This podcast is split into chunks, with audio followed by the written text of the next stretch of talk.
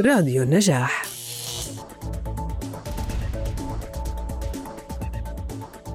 تقدم منظمة أريج ورشة إعداد التقارير الصحفية في قضايا العمال المهاجرين بالشراكة مع منظمة العمل الدولية وذلك يوم الأربعاء الموافق السابع والعشرين من أكتوبر في تمام الساعة الثالثة عصرا بتوقيت الأردن.